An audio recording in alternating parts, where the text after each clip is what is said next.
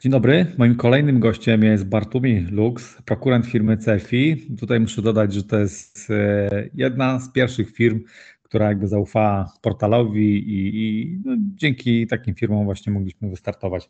A dzisiaj porozmawiamy sobie troszeczkę więcej na temat sztucznej inteligencji i machine, machine learning. E, cześć Bartku, czy jakbyś mógł też trochę o sobie opowiedzieć? E, cześć Marku, witaj. E, dzień dobry Państwu. No, tak jak kolega wspominał, nazywam się Bartłomiej Lux, pracuję w firmie CFI. Razem z kolegami od kilku lat mocno wspomagamy prezesa, czyli pana Wojtka Czarneckiego w rozwoju firmy. Mm, tym, czym się zajmuję na co dzień, no, generalnie marketingiem, sprzedażą, e, aczkolwiek e, od kilku lat dość mocno przyglądam się trendom e, związanym z wykorzystaniem machine learningu i sztucznej inteligencji w naszym życiu i staramy się to przekładać w CFI na nasz system, czyli na Bendo ERP. Mhm. A kiedy według Ciebie systemy ERP zaczęły wykorzystywać sztuczną inteligencję i machine learning?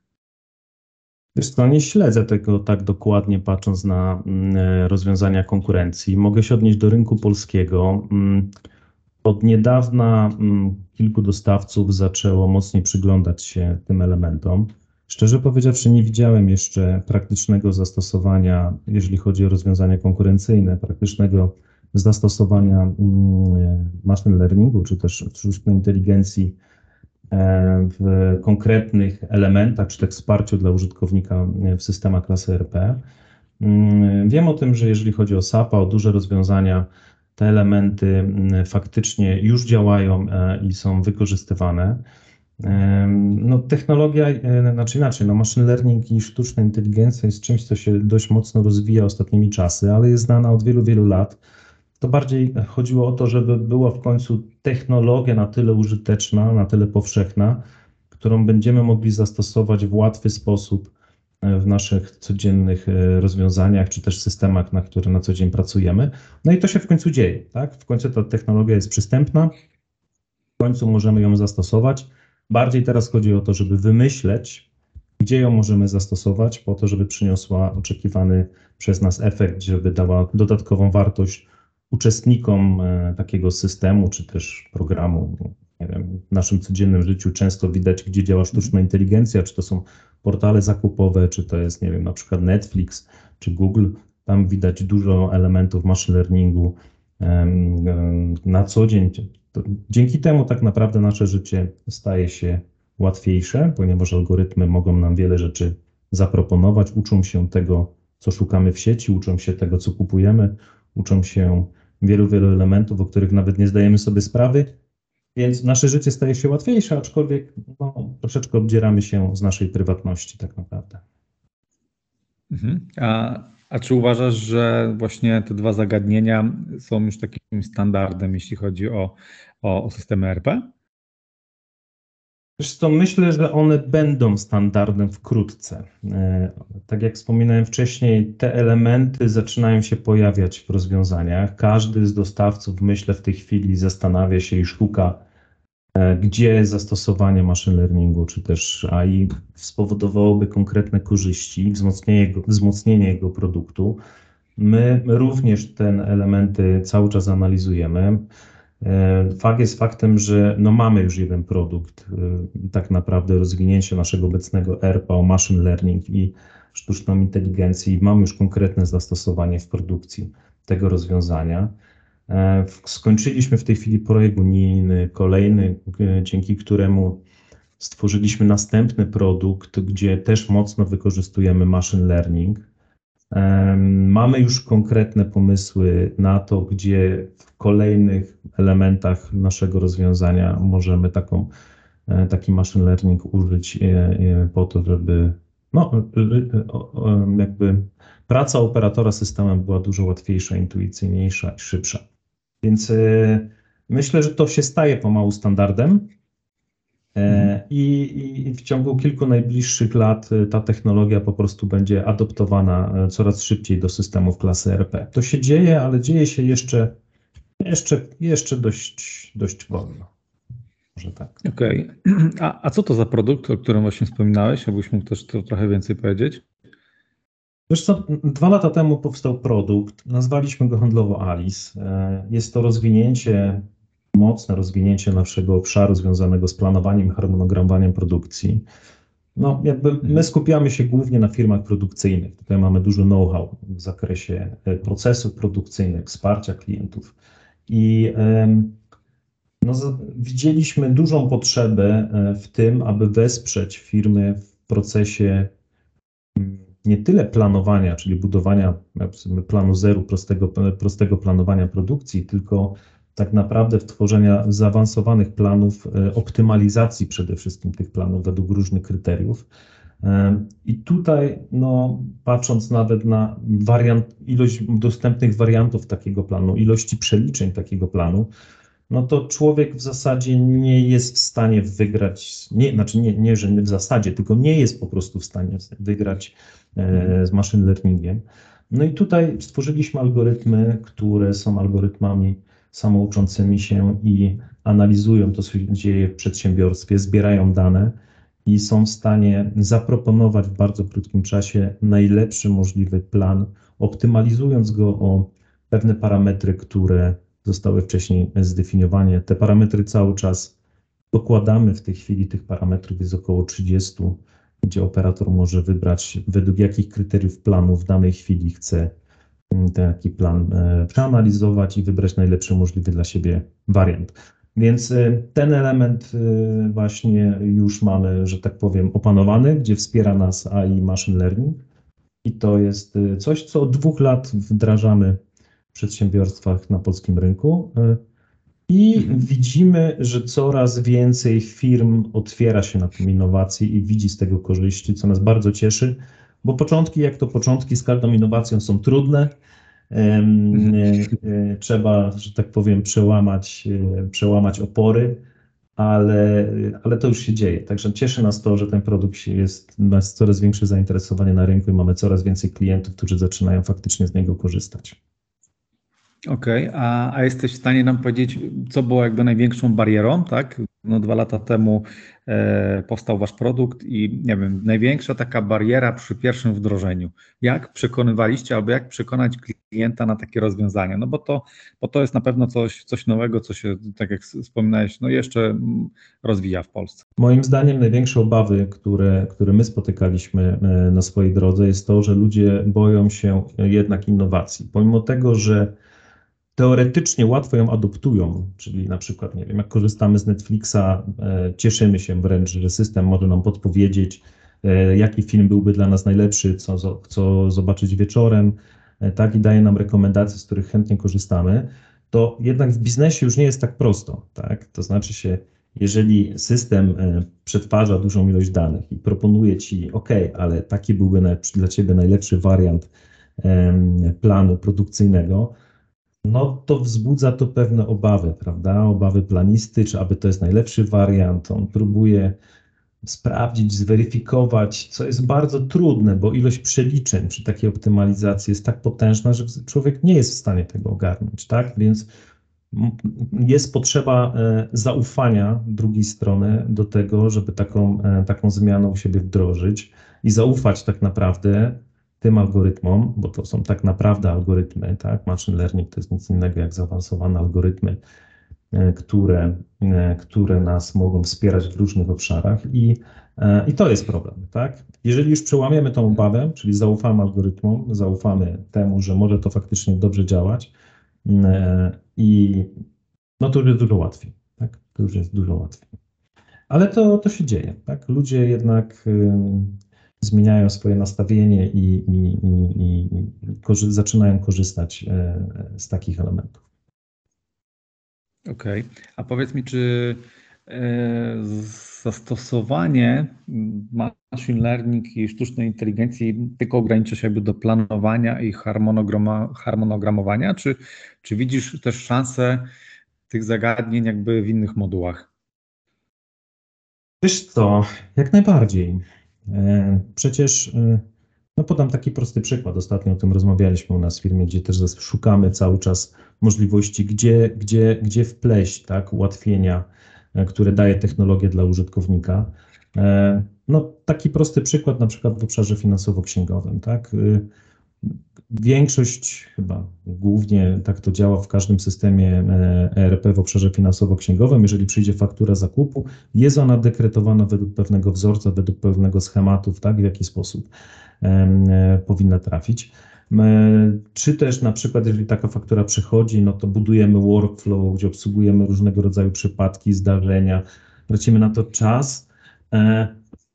Nie, no i system działa mniej lub bardziej sprawnie, tak? No ale te elementy mogą być też przejąć tak naprawdę algorytmy, tak? Czyli to też możemy tutaj mhm. wykorzystać AI Machine Learning, gdzie system już będzie wiedział, że jak przychodzi taka faktura od takiego kontrahenta, no, ma takie elementy w sobie, to powinna być w taki sposób rozdekretowana i nikt już nie będzie musiał budować, budować jakichś konkretnych schematów, decydować w workflow, gdzie ma to trafić, do kogo i tak dalej, tylko system może się tego uczyć i może decydować za użytkownika, gdzie to ma trafić, tak? Więc to jest taki jeden na przykład z elementów, gdzie może. Tak samo może być z elementami zamówień, zapotrzebowania. No tych elementów tak naprawdę machine learningu po to, żeby ten system E, był e, dużo bardziej przyjazny dla użytkownika, jest wiele elementów. No, chociażby obszar CRM-owy, tak? No, każdy z nas ma pewne nawyki pracy, prawda? Przychodzimy do pracy, włączamy komputer, włączamy, nie wiem, obszar związany z CRM-em, sprawdzamy kalendarz, przygotowujemy się na tydzień, planujemy pewne działania, typy notatek, tak? Pewne scenariusze działań, które uruchamiamy w zależności jaką mamy metodykę sprzedaży. No, to są bardzo indywidualne rzeczy dla firmy, ale system może się tego nauczyć, tak? Czyli możemy sobie wyobrazić, że przychodzę ja na przykład do pracy, włączam komputer, włączam go w obszarze CRM-owym i system prowadzi mnie za rękę, bo on już wie, jakie mam nawyki, co robię najczęściej, jakiego typu zdarzenia używam, co, co przeglądam w systemie. On się tego uczy i może mi te rzeczy proponować. Tak jak ma pan w Netflixie, Marku, masz, czy państwo korzystają, ten Netflix akurat e, jest takim fajnym przykładem, bo on wykorzystuje bardzo wiele elementów związanych z machine learningiem. Więc więc praca w systemach w przyszłości, moim zdaniem, na tym, na, ta, tak będzie wyglądała, czyli te systemy, systemy przestaną być takimi systemami typowo operacyjnymi, gdzie ładujemy dane e, i, i, i po prostu my decydujemy, co z tym dalej robimy, do tego, że zaczną to być systemy decyzyjne, tak? czyli będą nas wspierać w podejmowaniu decyzji, ale nie pokazując dane, tylko wręcz prowadząc nas po prostu za rękę. Prawda? E, I to jest przyszłość. To jest przyszłość. Okej, okay, to, to właśnie wyprzedziłeś jakby moje pytanie. Chciałem zapytać się, czy, czy, czy, czy to będzie przyszłością, ale to jeszcze bym nawiązał do, e, do Waszych produktów, bo zdążyłem sobie na szybko sprawdzić. Wy macie jeszcze jeden produkt, który też fajnie brzmi, a mianowicie jest to Cassandra. Tak, no nazwa jest e, może, może nie utopijna, tylko taka E, wcześniej mieliśmy ją troszeczkę inaczej się produkt nazywał, faktycznie w tej chwili się nazywa Cassandra. Tak, to jest nasz nowy produkt w naszej ofercie, który zaczynamy dopiero komercjalizować. Jest też efektem e, projektu unijnego, gdzie mm, znowu ten produkt bazował na naszych doświadczeniach w obszarach firm produkcyjnych. No, przyglądaliśmy się, przyglądaliśmy się problemom, e, które firmy mają w obszarze produkcji, zresztą nie tylko, i zauważyliśmy, że wiele firm podchodzi do tematu wdrożenia lean managementu. E, no i fajnie, tak? E, są różne firmy doradcze na rynku, które świadczą tego typu usługi. Wiadomo, lepiej, gorzej, ale są i wspierają w tym procesie taki, wprowadzenia takiej zmiany. No ale ta zmiana bardzo często kończy się w momencie, kiedy taka firma doradcza wdroży, osiągnie pewne wskaźniki, pakuje zabawki, wychodzi i zostajemy z tym sami. No i teraz, jeżeli e, faktycznie widzimy w tym korzyści, powołujemy jakiegoś pełnomocnika i staramy się mm, jakby kultywować tego, ten lean management i tą, budować tą kulturę i, i, i cały czas dostosowywać naszą organizację i ją polepszać, ale często tego nie robimy. I widzieliśmy wiele przypadków, że po prostu e, no, ten management umierał. Tak? Znaczy umierał w takim sensie, że po prostu ludzie, mm, no jeżeli coś nie jest pielęgnowane, no to samoistnie nie napędzali się do tego, żeby to kultywować. No i na kanwie tego stwierdziliśmy, kurczę, może fajnie byłoby wymyślić system, który będzie wspierał po pierwsze pracowników e, w tym, żeby kształtowali taką zmianę dla siebie, tak, w różnych obszarach, czyli pracowali nad sobą, byli puszowani pozytywnym feedbackiem, nagradzani za to, że robią coś dobrze, czyli mówimy tutaj o takich elementach związanych z ekonomią behawioralną. E, a z drugiej strony, żebyśmy my też jako kierownicy mogli modelować e, zachowania pracowników na trochę bardziej pożądane. I taki był pierwotny zamysł. Ten zamysł mocno ewoluował już w trakcie tworzenia tego projektu, ponieważ no, lepiej poznaliśmy możliwości wykorzystania e, właśnie machine learningu mhm. i stworzyliśmy takie modele predykcyjne, tak? Czyli nasza Cassandra Mm, potrafi działać na wielu płaszczyznach, czyli mm, no, taki, podam taki przykład ze życia, tak? Mm, mamy na przykład takie stanowisko, na którym no, wykonujemy pewne operacje w cyklu produkcyjnym i to stanowisko, e, no, żeby go używać bezpiecznie, musimy pewne elementy to jest na przykład proces cięcia, zachowywać w odpowiedniej odległości palce od piły, musi być zamknięta przysłona takiej mhm. piły, musi być używany pewien popychacz, żeby te palce były z daleka i tak dalej. Czyli musimy spełnić, spełnić pewne, e, pewne takie wymagania do tego, żeby bezpiecznie obsługiwać to stanowisko pracy. E, no ale wiadomo, jak jest na produkcji, każdy chce zrobić szybko, szybko, szybko, tak?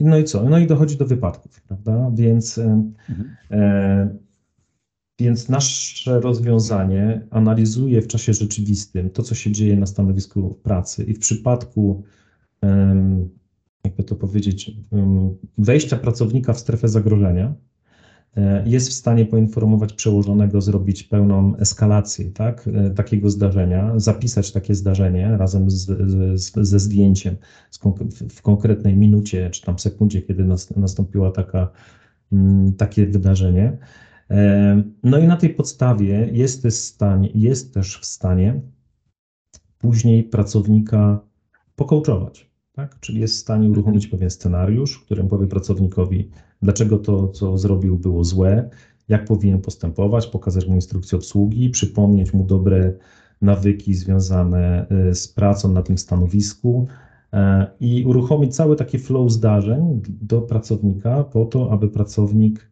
E, po pierwsze otrzymał informację, po drugie zaczął nad sobą pracować e, i system na przykład będzie też, jest w stanie na przykład, jeżeli pracownik na następny dzień takich eskalacji jest dużo mniej, znaczy albo jest mniej, albo jest tyle samo, znowu uruchamia całą sekwencję zdarzeń, gdzie pracownika informuje, o na przykład poprawiłeś się, super, tak, gratuluję, tam zniwelowałeś liczbę zdarzeń i tak dalej, czyli jest tutaj ten element pozytywnego feedbacku.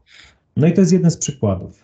Kolejny przykład jest na przykład taki, jesteśmy w stanie analizować i wspierać tutaj na przykład 5S na stanowisku pracy, gdzie mamy konkretne stanowisko pracy, gdzie mamy odłożone narzędzia w odpowiedni sposób, gdzie, gdzie powinniśmy takie stanowisko pracy dbać nie tyle w sensie narzędzi, ale również na przykład, jeżeli jest to jakieś stanowisko montażowe, mamy tam jakieś śrubki, nie śrubki w różnego rodzaju w kuwetach, gdzie, gdzie po prostu powinniśmy dbać o to, żeby one były w odpowiedni sposób zapełnione, żeby nam czegoś nie brakowało.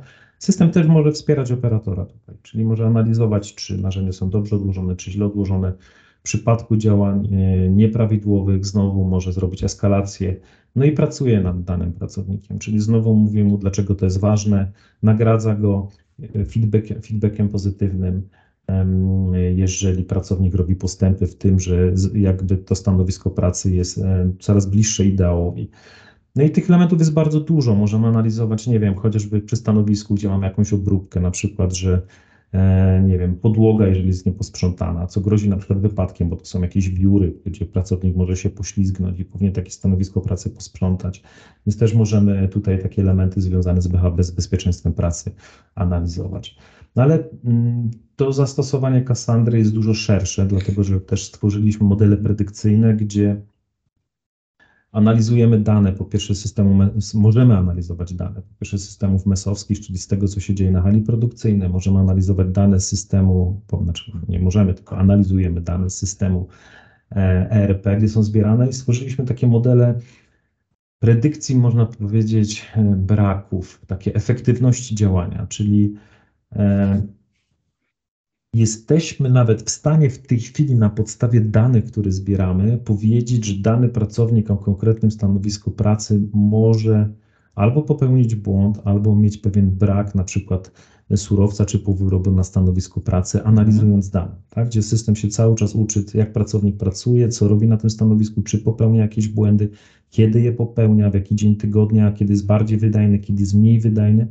Więc jesteśmy mocno w stanie wejść w to, że zbudować, że budować tak naprawdę profil każdego pracownika, gdzie jesteśmy w stanie wskazać, kiedy jest najbardziej wydajny, właśnie przewidzieć, e, a jak już przewidujemy coś, no to możemy temu zaradzić, prawda? Czyli możemy e, wprowadzić działania korygujące, żeby takie e, braki na przykład, czy tam surowca, czy półwyrób na stanowisku pracy nie występowały, czy też na przykład spróbować przesunąć pracownika na inną zmianę, kiedy widzimy, że jego wydajności są w różne dni w tygodnia, tak? No i działać, działać, działać, działać. Więc no, mocno jest to system tak naprawdę, który jakby w naszym zamyśle zbudowaliśmy po to, żeby wspierać lean management w organizacji, a jednocześnie on dużo mocniej ewoluował, gdzie, gdzie tak naprawdę dzięki niemu jesteśmy w stanie modelować zachowania pracowników na hali produkcyjnej i przewidywać, i a dzięki temu niwelować niewłaściwe zachowania na hali produkcyjnej. Także okay, mam takie. Tak, tak, no kontynuuj. Tak brzmi, e, jak to mm, pokazywaliśmy sposób działania tego systemu klientowi. E, tak jak stwierdził Boże Święty, mówię, jak oglądał tam parę lat temu jakiś film, co się dzieje w Chinach, to wydawało mu się totalnym science fiction, a mówi właśnie teraz to science mhm. fiction zobaczył na własne oczy na tym, co jesteśmy w stanie my zrobić tym systemem. No, więc taka to taka przyszłość. Więc to jest produkt, który no to... w tej chwili mm, w tej chwili pracuje testowo cały czas u jednego z klientów na terenie Śląska w fabryce. E, mhm. I, no i zaczniemy go już wkrótce komercjalizować. Okej, okay, to właśnie to wydaje mi się, że tym produktem fajnie wpisujecie się, tak mi się wydaje, w trend, yy, który mówi, że ludzie oczekują analizy danych właśnie w czasie rzeczywistym. Nie? To, to wydaje mi się, że, że to może być coś, czego, czego ludzie będą oczekiwali w przyszłym roku. Trochę inaczej niż e, też wszyscy myślą e, o trendach, jakim jest e, RP w chmurze. Nie wiem, nie wiem, jakie ty masz do tego podejście. Co według ciebie będzie tym, może inaczej, co będzie według ciebie trendem w przyszłym roku? Wiesz co, ciężko jest powiedzieć, że chmura to jest trend przyszłego roku, bo chmura jest trendem, Boże, już chyba od 2015 roku. Tak naprawdę no, chmurę w Microsoft mocno zaczął promować. E, mhm. I to był chyba rok, już nie pamiętam, 2015. Mm, I już wtedy wszyscy mówili, że to jest trend i wszyscy w tym kierunku będą podążali. E, no i tak się jest, tak, tak się dzieje, tak? E, no widać, że coraz, wię, coraz więcej dostawców e, no, wchodzi w chmurę w takim sensie, że ich produkty już są dostępne, dostępne tylko i wyłącznie w opłacie miesięcznej, gdzie korzystamy z tego rozwiązania, gdzie jest gdzieś zainstalowane w chmurze. No tak tu zrobił Microsoft ze swoim produktem w tej chwili IFS. Um, ale widzimy, że ten rynek polski tak szybko nie ewoluuje. Tak? E, czyli widzimy tutaj, że jednak Polska jest takim rynkiem który aż tak szybko nie pędzi w tą chmurę. Widzimy jednak, że przynajmniej ten rynek e, średnich firm, mniejszych firm, średnich firm, bo być może Enterprise e, rządzi się innymi prawami, gdzie działa Microsoft, ale mm, ten taki rynek średnich firm widzimy jednak, że no, dużo większym zainteresowaniem cieszy się jednak to, że klient kupi to oprogramowanie, czuje, że je ma, że może z niego korzystać, e, że ma je gdzieś zainstalowane. Więc tak, chmura jest takim elementem, gdzie na pewno wszyscy podążamy, bo my również. E, mhm. I to jest coś nieuniknionego, i, ale jednak my staramy się, żeby klient miał wybór. Może pracować w chmurze, ale może też e, wejść w tradycyjny model nabycia licencji i korzystania z oprogramowania. Aczkolwiek patrząc na to, co się dzieje na rynku, trudności z dostępem do sprzętu komputerowego, gdzie czeka się no czasami no jest... miesiącami na serwer. E, tak, tak. E, I czasami mamy takie my przypadki, że mamy trzy projekty, które są wstrzymane, bo po prostu nie ma serwerów i klient czeka na dostawę i będzie jeszcze czekał chyba 3 4 miesiące. Więc, więc to chyba paradoksalnie przyspieszy to, że klienci zaczną korzystać z tej infrastruktury chmurowej dużo szybciej, ponieważ ona jest dostępna i jest łatwo skalowalna. No po drugie, no jednak bezpieczeństwo coraz bardziej wchodzi w grę. No jeżeli mamy to u siebie, no jesteśmy narażeni jednak na włam. A ceny usług informatycznych cały czas rosną, no rosną po prostu i będą rosły.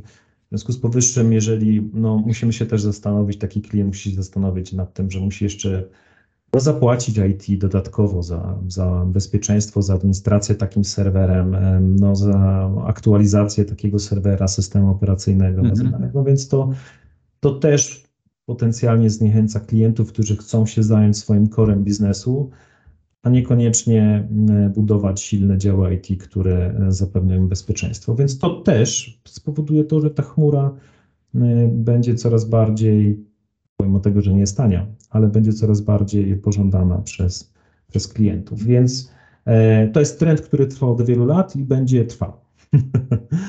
będzie trwał. Będą się tylko zmieniały czynniki i okoliczności zewnętrzne, które będą powodowały e, być może, tak jak ma to w tej chwili, e, takie przyspieszenie, tak? przyspieszenie tej migracji do chmury. Dobra, Bartku, ja Ci bardzo dziękuję za Twój czas, bo, bo no, pamiętam, że ciężko było zgrać nasze kalendarze, ale w końcu się udało i cieszę się, że mogliśmy pogadać, bo bardzo fajny materiał nagraliśmy. Dzięki wielkie.